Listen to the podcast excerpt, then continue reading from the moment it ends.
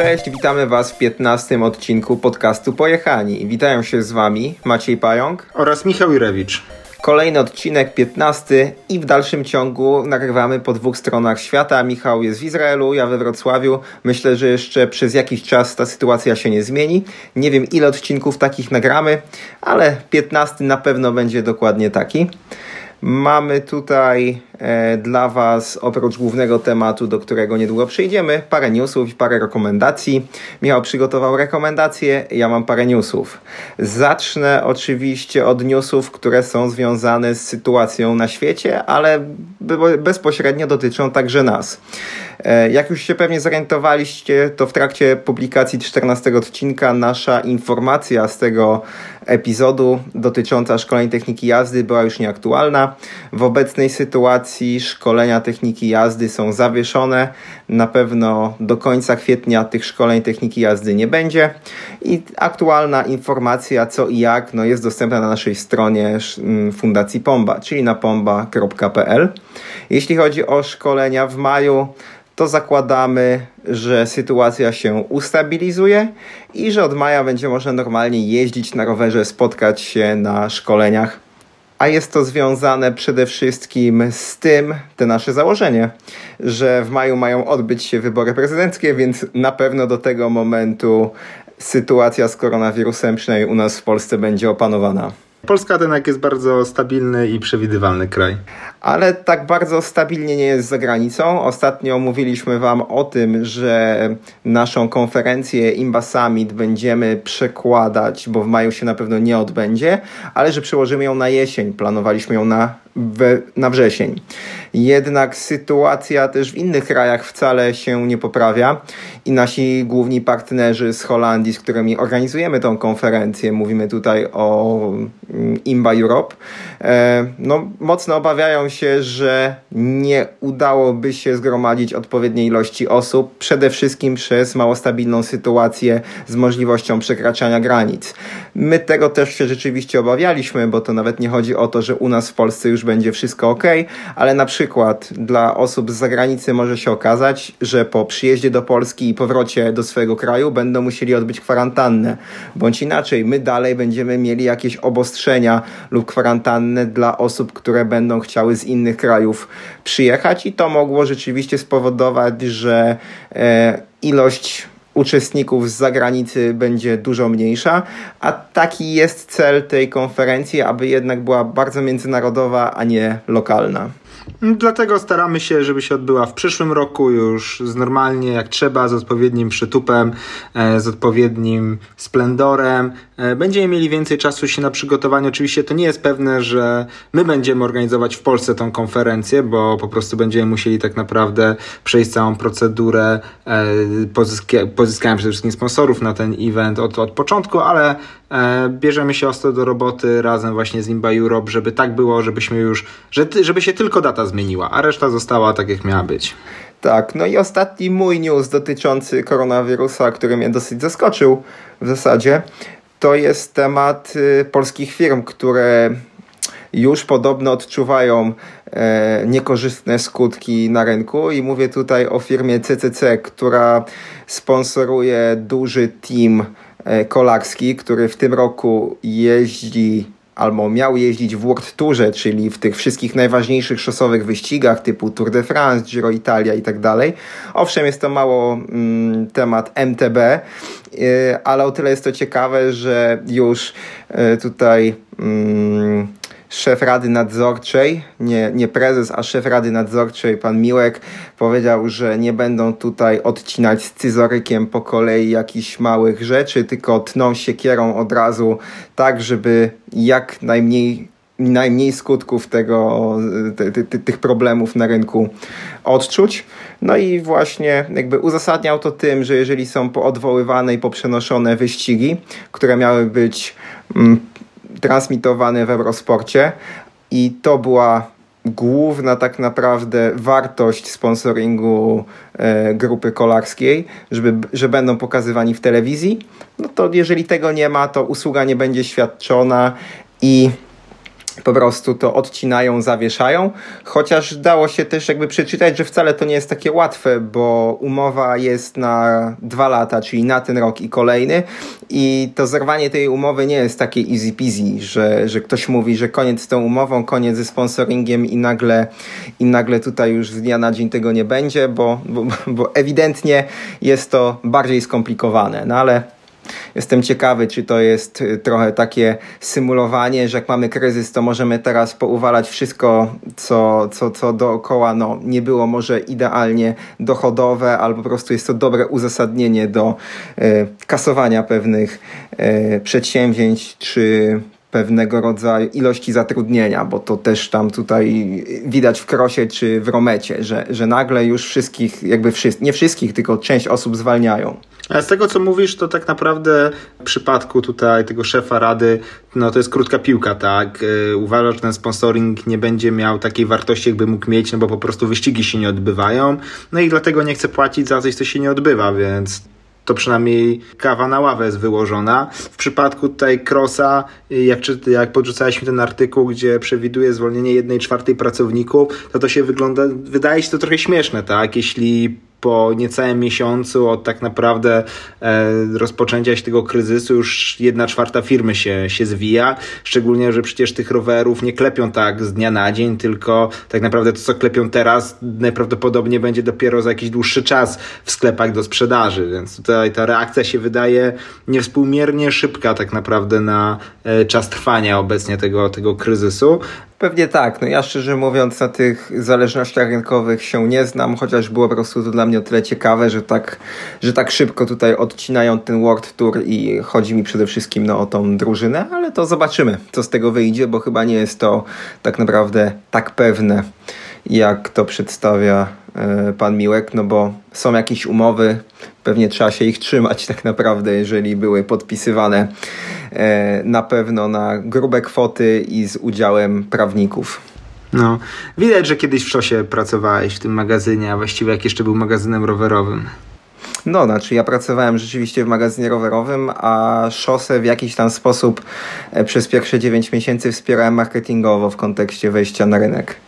Tak, y, pewien sentyment pozostał i nawet ostatni, ostatni numer sobie ściągnąłem szosy, który y, też właśnie w związku z koronawirusem pierwszy raz od pięciu lat nie jest wydrukowany, tylko jest udostępniony tylko i wyłącznie w elektronicznej wersji ze względu na to, no, że ciężko go tam by, by było kupić, ciężko chyba też było im go wydrukować ze względu na jakieś przestoje i problemy w drukarni, więc, więc, więc, to, więc jakieś tam problemy się zaczynają dookoła. No dobra, to teraz przejdę do moich rekomendacji. Pierwszą rekomendacją, jaką tutaj zasunę, to będzie e, kolejny Sick Edit, ale trochę w innym stylu niż e, wcześniej polecane w Pojechanych. Mianowicie jest to film Trans Hong Kong z Hansem Reyem jako tutaj głównym, głównym raiderem i jego towarzyszami. Jest to trzeci film serii, po których Hans Rey jeździ po świecie, po dużych miastach, po metropoliach i tam jeździ na rowerze górskim. I to jest o tyle nietypowa sprawa, że rzeczywiście pokazuje MTB przez pryzmat właśnie dużych metropolii. Oglądałem właśnie tylko ten trzeci odcinek w Hongkongu, no bo po prostu mi się wydał ciekawy, no bo e, trochę inna kultura, in, inny świat niż wcześniejsze filmy z Neapolu i z San Francisco. Mm, I to też jest fajne, że to nie jest taki 5 minutek, czy tam w ogóle 3 minuty, fajnie pojeżdżone, parę trików i, i dziękuję, do widzenia, the end. E, tylko jest to trochę dłuższa opowieść, prawie półgodzinna, która przedstawia e, też trochę społeczność lokalną, trasy lokalne, jak to tam wszystko wygląda. E, ciut głębiej niż takie dwie minutki reklamowe i tak dalej, więc e, fajne do obejrzenia, szczególnie, że fajnie pokazuje ten Hongkong jako miasto położone e, w bardzo górzystym terenie, co mnie osobiście dość zaskoczyło i naprawdę z dużą, dość żywiołową e, kulturą rowerową dookoła, no bo z tego, co nam po prostu było widać, no to takich tras wybudowanych na rower jest naprawdę, naprawdę dużo. To jest o tyle zaskakujące, że co by tu nie, co by tu dużo nie mówić, to MTB jest dość słusznie uznawane za Middle Age White Sausage Party, e, więc jeśli widzimy tutaj taką rozbudowaną e, rozbudowane rowerowe środowisko w innych kręgach kulturowych, e, czy jak właśnie tutaj w Azji, no to jest to zawsze, zawsze coś, coś ciekawego.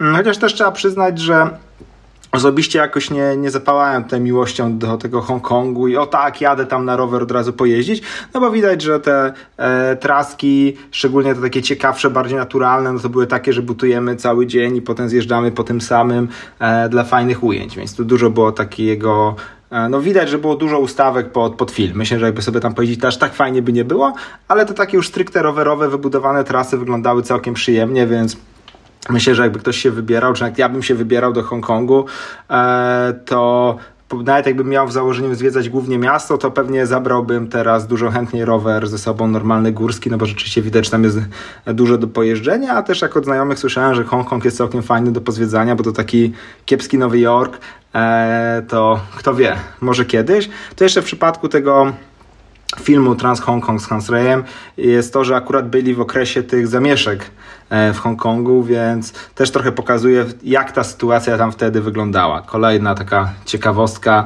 e, i można sobie to po prostu zobaczyć. Więc jak najbardziej polecam oczywiście e, link do filmu w notatkach do odcinka. Tutaj też jeszcze powiem, że właśnie Podczas mojego obecnego wyjazdu do Izraela miałem okazję pojeździć e, w Jerozolimie na rowerze, ale nie tak właśnie zwiedzając miasto, tylko po prostu pojeździć po górach, pojeździć enduro e, i było to dla mnie o tyle zaskakujące, że nie byłem w Jerozolimie pierwszy raz, już byłem tam kilka razy, e, ale zawsze bardziej tak miejsko. Mm, jest to miasto położone na dość wysokich wzgórzach, górach, jest sporo przewyższenia, ale nigdy się żadne fajne trasy nie rzucały w oczy. Ale jak teraz mieliśmy okazję pojeździć z miejscowym wycinakiem, e, ścigantem enduro, to się nagle okazało, że naprawdę można bardzo, bardzo, bardzo konkretnie pojeździć, jak klimat jest ciekawy, no bo podjeżdża się po prostu chodnikiem przy jakiejś tam głównej ulicy do góry, potem się skręca w jakieś tam bramę, e, tu przy jakimś płocie gdzieś w bok i się jedzie naprawdę mega konkretną, e, co tu dużo mówić, górską ściechą na, na sam dół, dużo przewyższenia, długa, fajna, E, dość hardkorowa i potem znowu chodnikiem do góry i tak powiedzieliśmy parę razy, więc to też pokazuje, że e, niektóre duże, duże miasta mają pory potencjał MTB.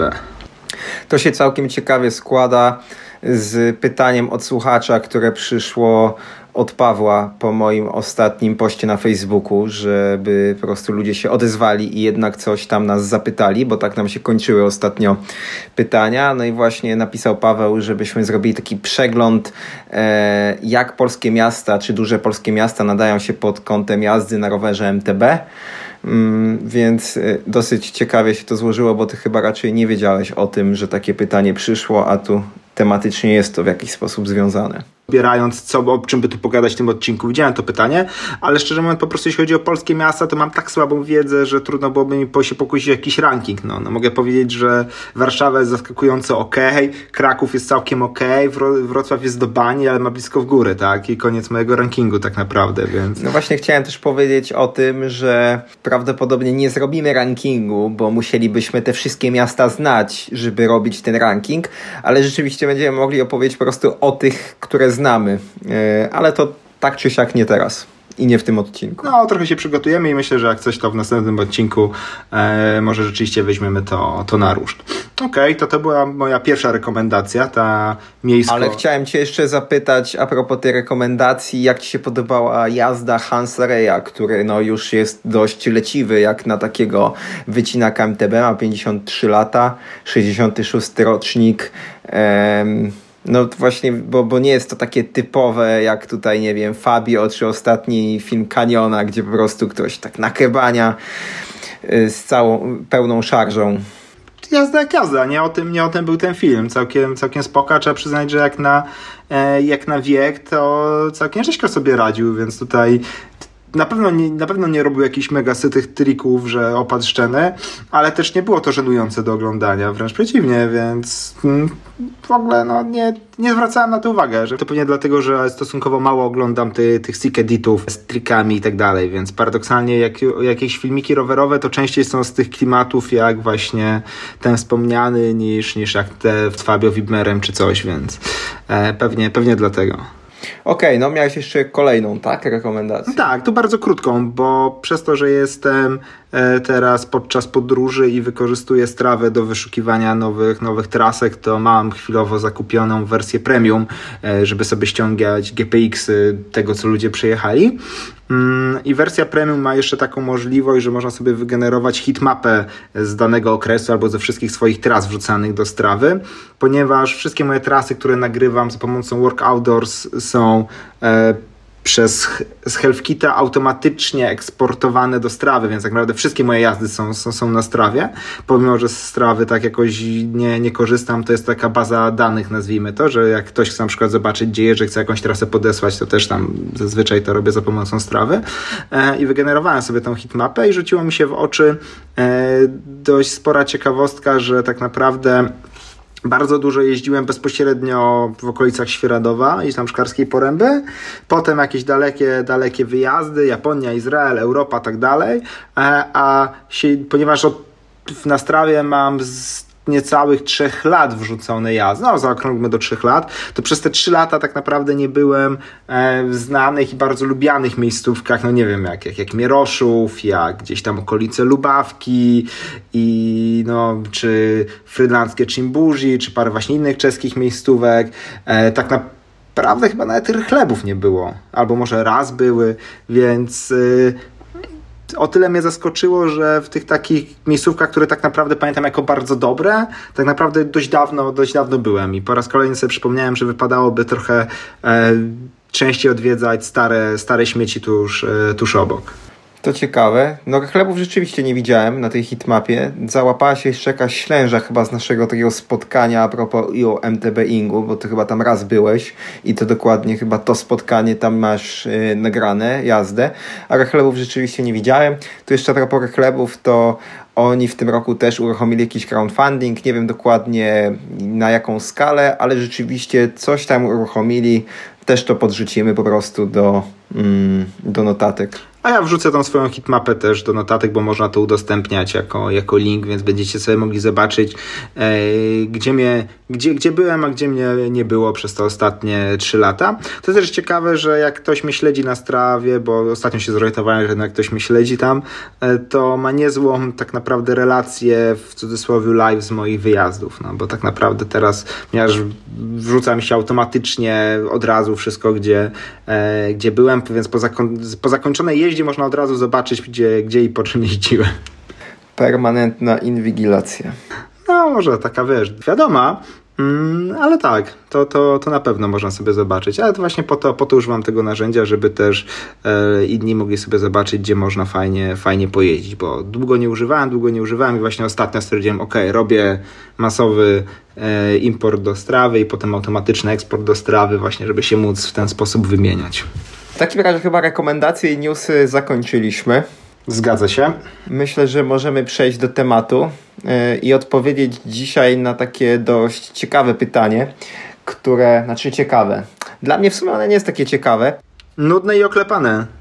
Dokładnie, ale nasze odpowiedzi mogą być trochę inne niż we wszystkich poradnikach.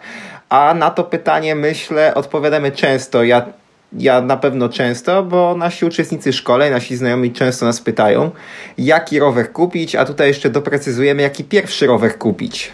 No tak, bo jaki rower jeden uniwersalny mówiliśmy ostatnio, więc teraz będziemy temat zakupowy kontynuować, tylko właśnie przez pryzmat pierwszego roweru w domyśle MTB. Od czego zaczniemy? Mam tutaj rozpisane parę rzeczy. Tematy sprzętowe, takie stricte, co tam włożyć lub nie wkładać tego roweru, bym na sam koniec zostawił, a raczej takie mm, ogólne założenia bym przedstawił na sam początek. Co myślisz? Ja to rozbijam. Kupuję pierwszy rower na dwie sytuacje. I bo tak naprawdę takie zazwyczaj dostaję e, pytania. Z, z kontekstem, chcę sobie kiedyś wyjść tam po południu raz na miesiąc, może dwa razy na miesiąc na ten rower.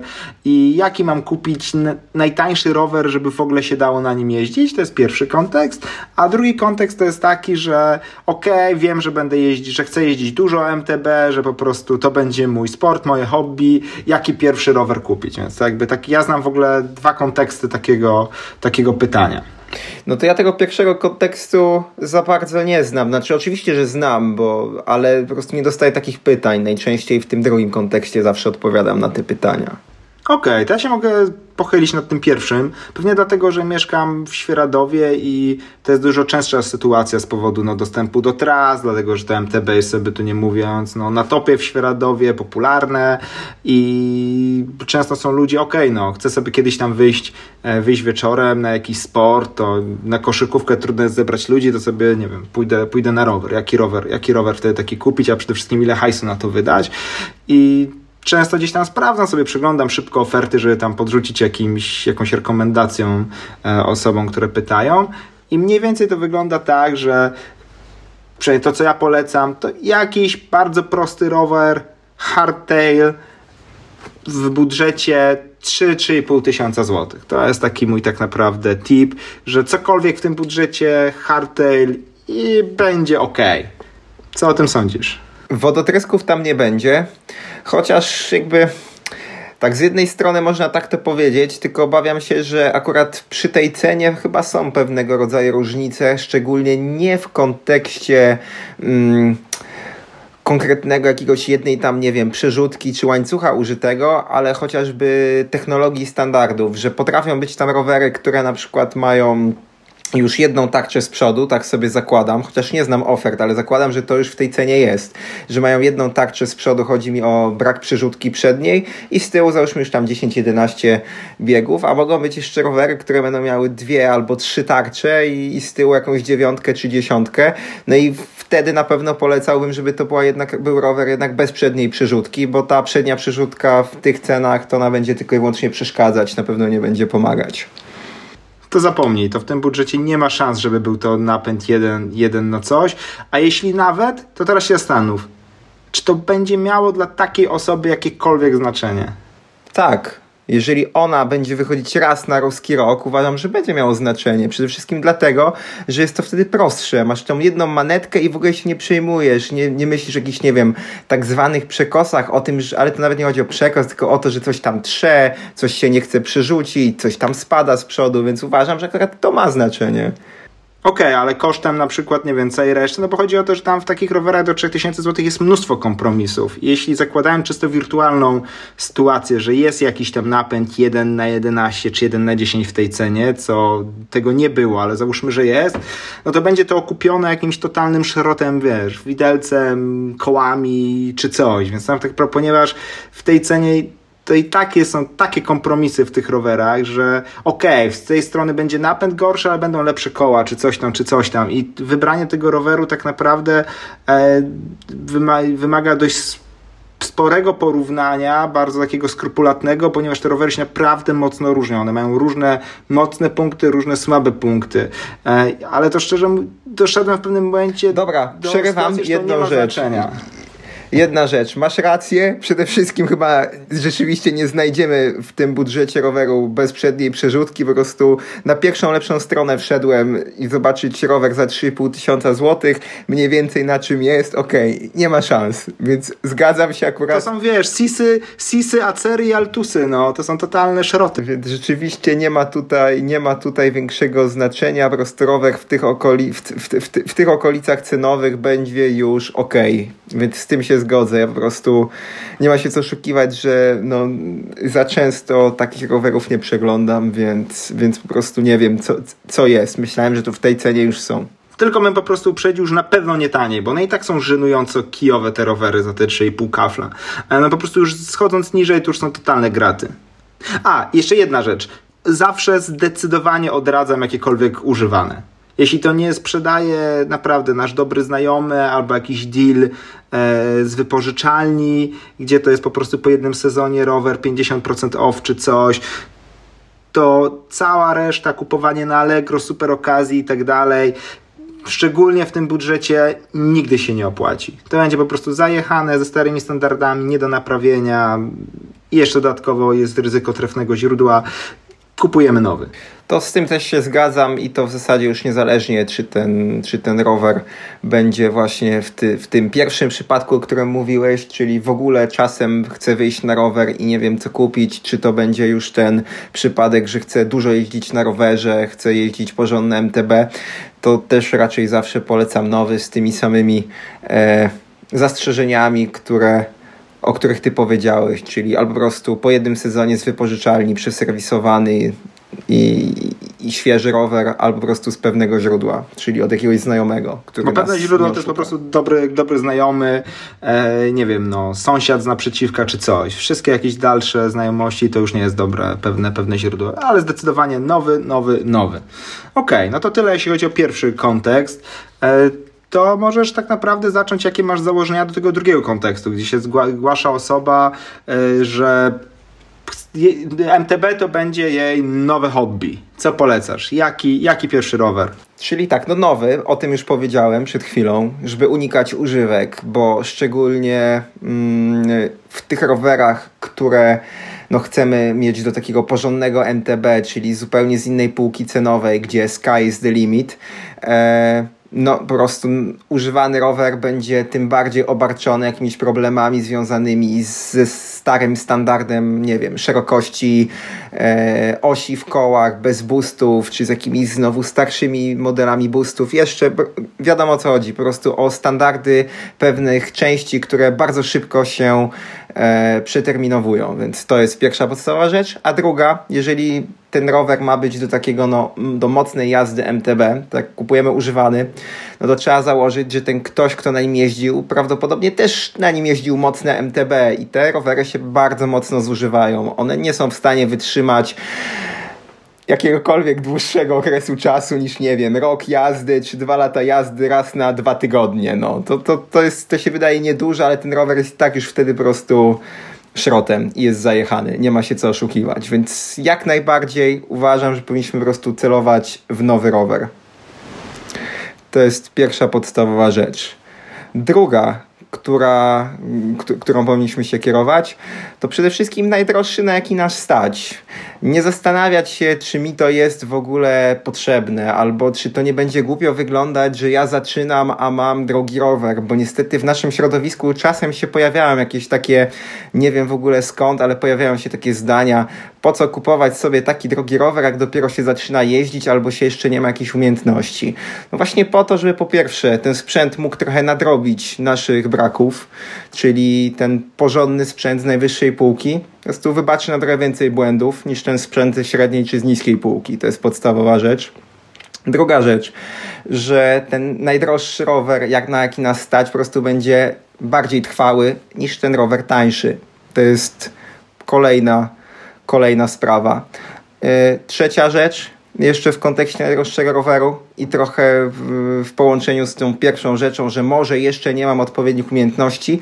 Te umiejętności naprawdę bardzo szybko można e, upgrade'ować. Te umiejętności po szybko się zmieniają, więc nie ma się co przejmować, że dzisiaj jeszcze za dobrze nie jeżdżę, bo za pół roku po szkoleniach może być zupełnie inaczej. A głupio by było, żeby nas sprzęt ograniczał, bo tak może być. Więc to jest jeśli chodzi o cenę roweru. Co ty o tym myślisz? Z tym się jak najbardziej zgadzam. Ja bym jeszcze dodał, że załóżmy, że najdroższy, na jaki możemy sobie pozwolić, to jest, no nie wiem, 15, 15 tysięcy, co się wydaje całkiem rozsądne. Mm, to teraz jaki rower wybrać jakby w tym budżecie.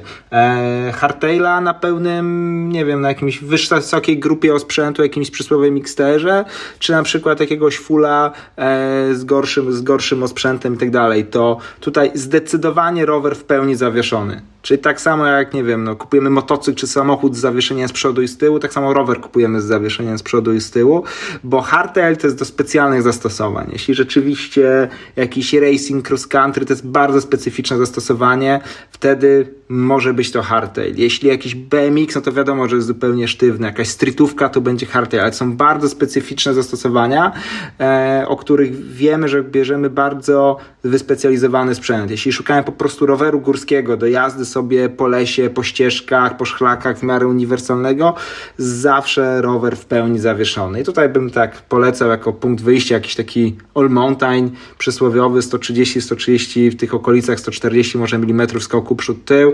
E, i to jest to, na co powinniśmy mniej więcej e, patrzeć, jeśli jesteśmy początkującymi, zamierzamy zaczynać dopiero w MTB i, no, no i chcemy po prostu no, mieć rower, który nie będzie nam przeszkadzał i będzie nam umożliwił swobodne nabieranie właśnie umiejętności i wchodzenie w to kolarstwo górskie. Tutaj jeszcze jedna uwaga odnośnie tego nowego roweru, najdroższego na jaki nas stać.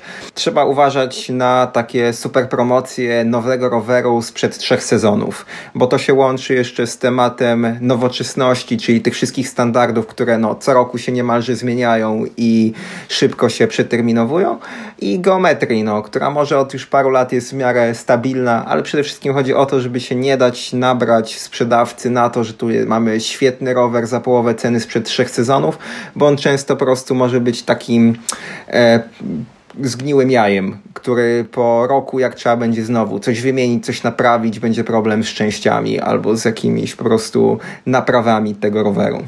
Sezon do tyłu jak najbardziej ok, ale starsze też bym odcinał. No, kolejna rzecz, która tutaj będę się uśmiechał też trochę do do, do, do pań, dlatego że one często są poszkodowane nie przez siebie, tylko przez nas, przez facetów swoich, którzy próbują je wciągnąć e, w jakby i zaszczepić rowerowego bakcyla.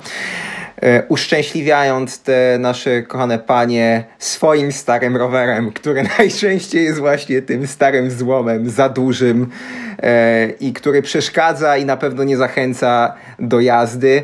E, więc przede wszystkim w dobrym rozmiarze musi być ten rower, bo to chociażby ostatnia wycieczka w Kaczawy pokazała, że pan jechał na nowym elektryku, a pani ewidentnie na jego starym, za dużym rowerze, więc taki po prostu obrazek standardowy, wycięty.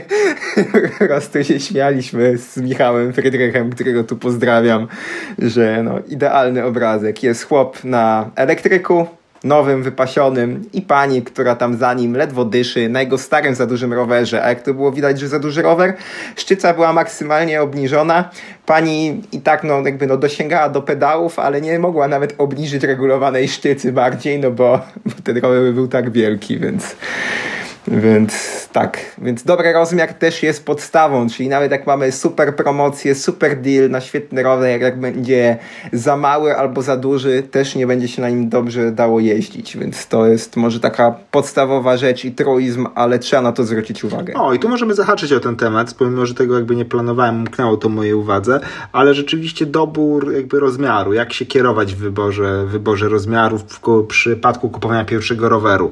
Ej, zawsze odpowiadam, żeby był wygodny. Czyli po prostu się przejechać, wypróbować kilka. Jeśli jest, jeśli jest wygodnie, to jest to naprawdę dobry, dobry rower, dobrze dobrany i, i, dobry, dobry rozmiar. Szczególnie, że teraz tak naprawdę już jest o tyle fajna sytuacja, że dużo producentów ma w jakiś tam sposób swoje takie dni testowe. Jeżdżą po miastach, da się rower wziąć nie pod sklep na chodnik, tylko da się na nim przejechać nawet parę godzin. Da się wypożyczyć rowery w wypożyczalniach, które są przy trasach i też najczęściej da się znaleźć większość firm a nawet jak nie większość, to sporą część. Po prostu się przejechać na danym rozmiarze, na danym rowerze i tak sobie sprawdzić ten rower.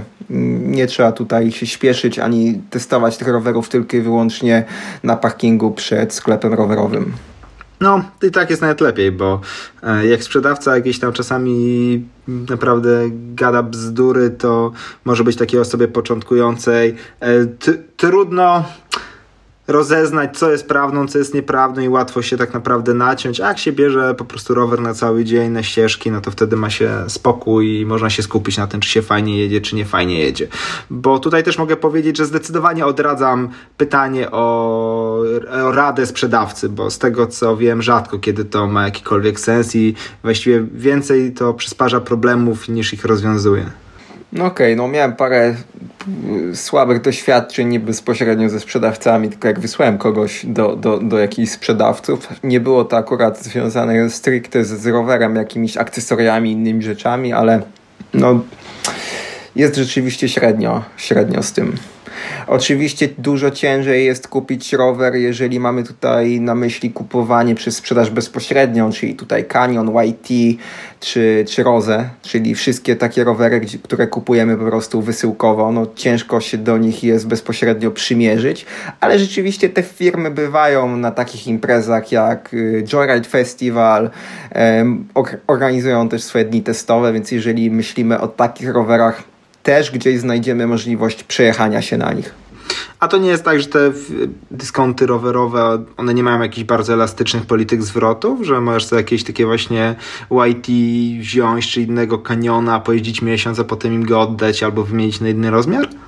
Rzeczywiście coś takiego jest. Jak teraz o tym powiedziałeś, to sobie przypomniałem, że nasz kolega Łukasz z Opola Ubezpieczeń nawet chyba tak robił. Rzeczywiście jakiegoś kaniona albo YT, jedno z dwóch, e, po prostu zamawiał, okazało się, że nie ten rozmiar odesłał, przysłali mu rozmiar większy, więc, więc jest duża szansa, że tak się da, chociaż nie dam sobie ręki obciąć. Czy to nie była jakaś inna sprawa? Bo jeśli rzeczywiście tak jest, no to tu by wypadało to sprawdzić, to wtedy jest to bardzo fajna opcja, tak? No po prostu sobie wziąć, przymierzyć, pojeździć na spokojnie, potem wymienić na inny, jak nie pasuje.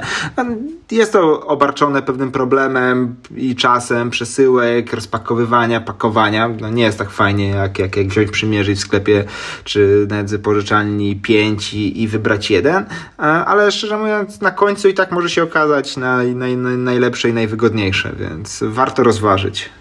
Okej, okay, bo z takich ogólnych tematów, jak ten rower wybrać, ja przeszedłem chyba przez wszystkie takie swoje pomysły i punkty i mógłbym ciut bardziej się skupić, albo moglibyśmy razem tak naprawdę skupić się bardziej już na takich poszczególnych elementach czy układach roweru, gdzie też na pewno mamy wymyślone pewne rzeczy, którymi należy się przejmować, czego unikać, a co w zasadzie przy zakupie roweru nie ma najmniejszego znaczenia.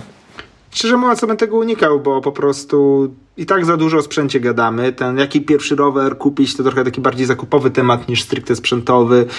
Więc jakoś nam tutaj wszedł w ten nasz, nasz podcast Pojechanych. Już tam nie gadajmy konkretnie o, nie wiem, o rozwiązaniach, o jakich tam napędach, innych takich yy, bzdetach.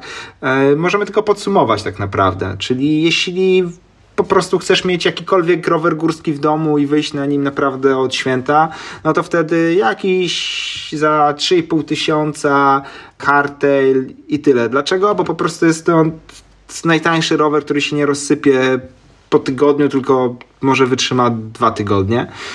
Jeśli chcesz zacząć jeździć porządne MTB, ma być to twoje nowe hobby, kupujesz naprawdę najdroższy rower, na jaki cię stać, najlepiej zdecydowanie przewyższający budżet, jaki się wstępnie zakładało. E, z jakiej klasy? Jakiejś takiej właśnie klasy ścieżkowej, all mountain, e, taki, żeby był wygodny, czyli w dobrym rozmiarze i po prostu się dobrze na nim, dobrze na nim jeździło. No i tyle. Okej, okay, i tak bardzo chcesz uniknąć jakiejkolwiek dyskusji o sprzęcie, czyli jeżeli ktoś będzie chciał kupić rower na przykład z hamulcami e, z olejem DOT, czyli z tym, tym takim płynem hamulcowym jak w samochodzie, to śmiało może kupować, tak?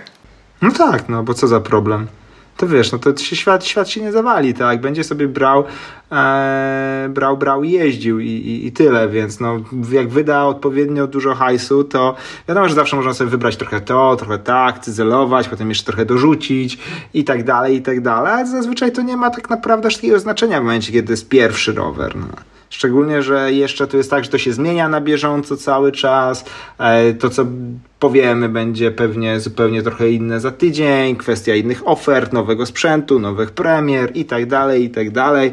Więc my mamy pewne takie bardzo specyficzne poglądy na pewne kwestie sprzętowe w rowerze, ale dla kogoś, póki pierwszy rower moim zdaniem to jest bez znaczenia że, że spokojnie, e, potem jest kwestia raczej oferty i sensownego, no bo wiesz, no załóżmy, że na przykład wydaje e, 15 tysiaków, załóżmy, że to jest taki budżet, no teraz ciągle na nim operuje i będzie miał na przykład jakiś, nie wiem, no fajny wide, widelec albo fajny tylny amortyzator w tym, ale będzie miał jakieś beznadziejne hamulce typu guide w tym, no.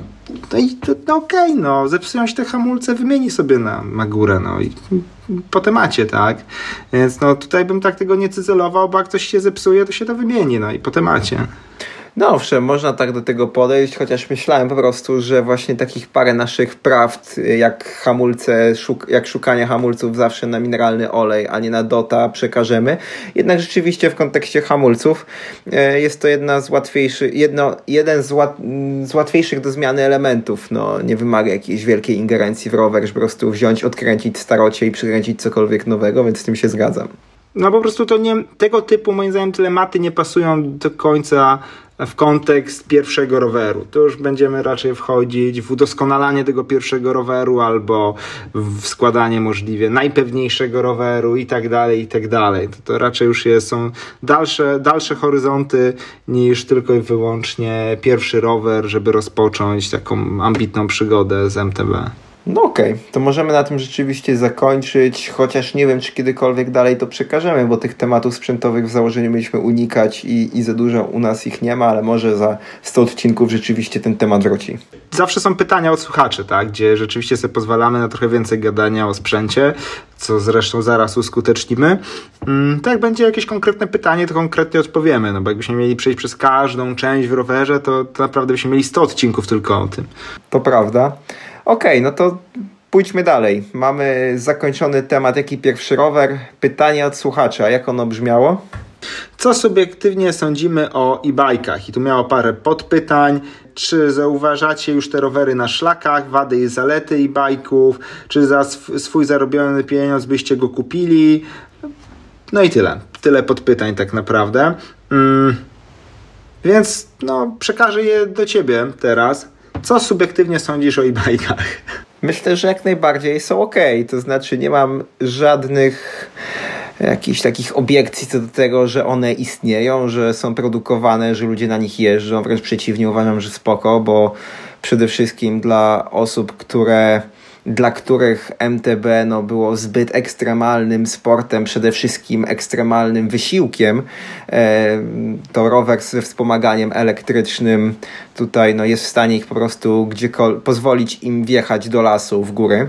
I tutaj ważna rzecz, jakby nie mam nic przeciwko rowerom ze wspomaganiem elektrycznym, czyli tak zwanym e, pedaleką, pedalek. Padalcem, po prostu padalcem. Rower z padalcem.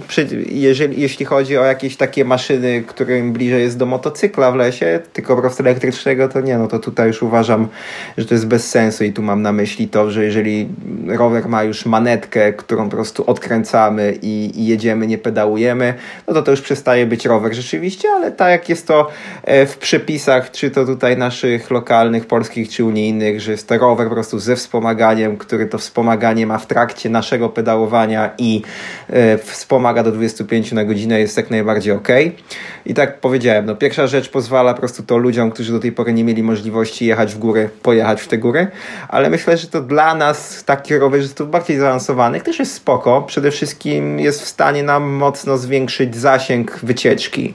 Czy to po prostu w kontekście treningowym przejechać kilka zjazdów więcej, czy to w kontekście po prostu stricte wycieczki z 70 km zrobić na przykład 120, więc, więc jak najbardziej myślę, że jest to fajne, chociaż oczywiście ma to swoje, swoje minusy, które też zauważam, czy to widzę na szkoleniach, czy to, mm, czy to próbowałem jeździć na takim rowerze, też widzę minusy. No, a jak ty, jeśli zanim do tego przejdziemy, co ty uważasz o rowerach elektrycznych? Mm, w dużym skrócie tylko powiem, że absolutnie rower z, z asystą elektryczną uważam nadal za rower i są jak najbardziej ok.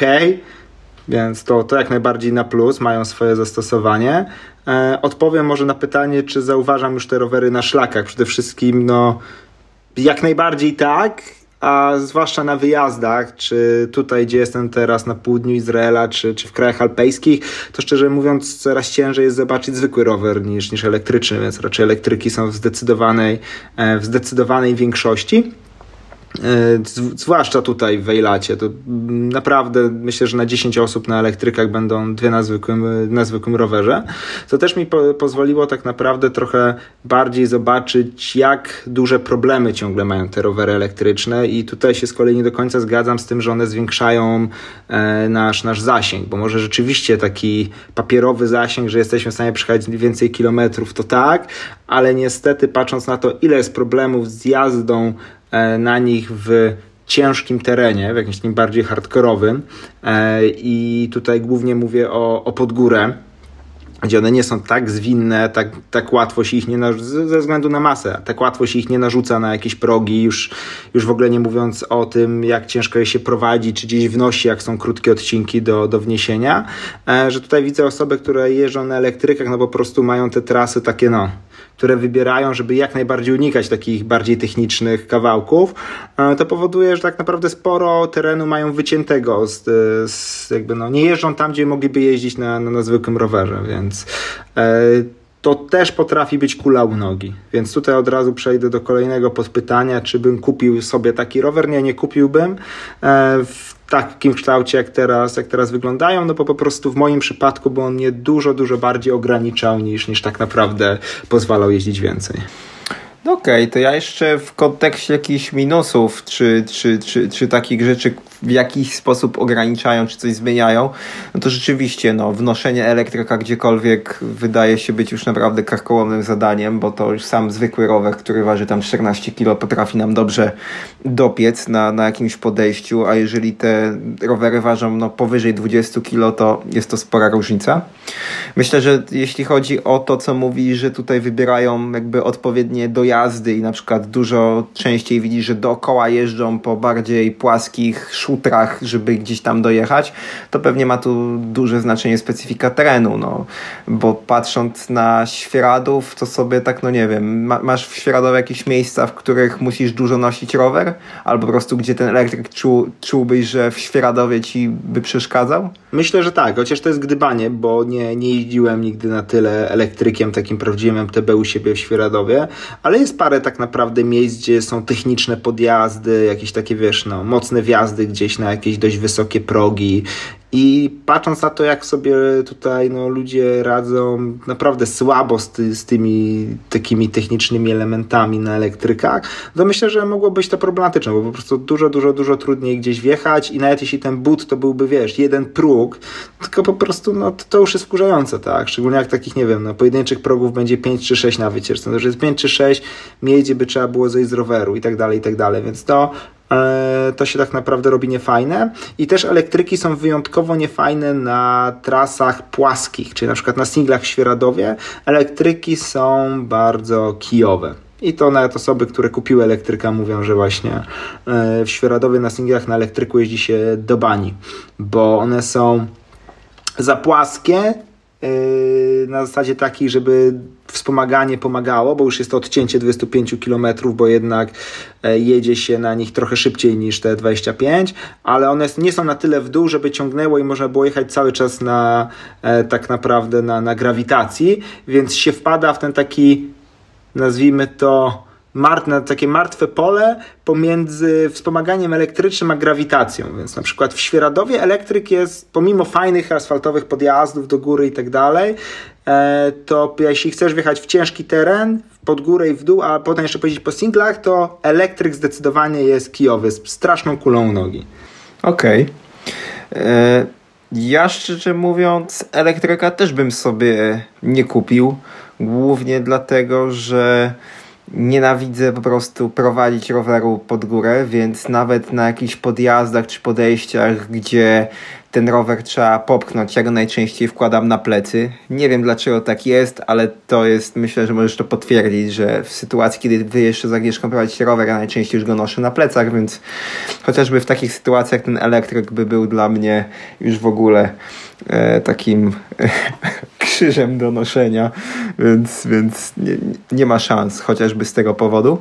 E, Widzę też jakby jeszcze jedną rzecz, znaczy widzę, bo owszem, zauważam coraz więcej osób na, na tych elektrykach, ale, mm, ale przede wszystkim widzę jedną rzecz, że trasy pod elektryki no, będą się trochę różnić, szczególnie podjazdy. Jeżeli te elektryki wejdą w taki typowy mainstream i zacznie się już, nie wiem, nawet nie jakieś projektowanie i budowa konkretnych tras pod elektryki do góry, chociaż to już też się, się dzieje, to nawet takie wyznaczanie takich no, tras, jak, jak to się robi, nie wiem, czy to w Bielsku, czy na Ślęży i tak dalej, to, to, to może się to mocno zmienić, no bo ile na zwykłym rowerze jak jedziemy, to unikamy takich no, pionów do góry, gdzie trzeba by było na jeden jeden wymielić po prostu z wywieszonym jęzorem, żeby jakkolwiek wjechać na daną bambułę, tylko po to, żeby z, nią, z niej zjechać, a pod elektryka już będziemy taką każdą bambułę pod górę wykorzystać, żeby wykorzystywać, żeby, żeby z niej zjechać, po prostu ten podjazd na nią będzie dużo mniej kosztowny dla naszej siły. I to chyba właśnie nawet opowiadałeś, że w Izraelu takie rzeczy zauważyłeś na tak zwanym Luna Parku, czyli w tym miejscu, gdzie jest sporo trasek takich najbliżej miasta?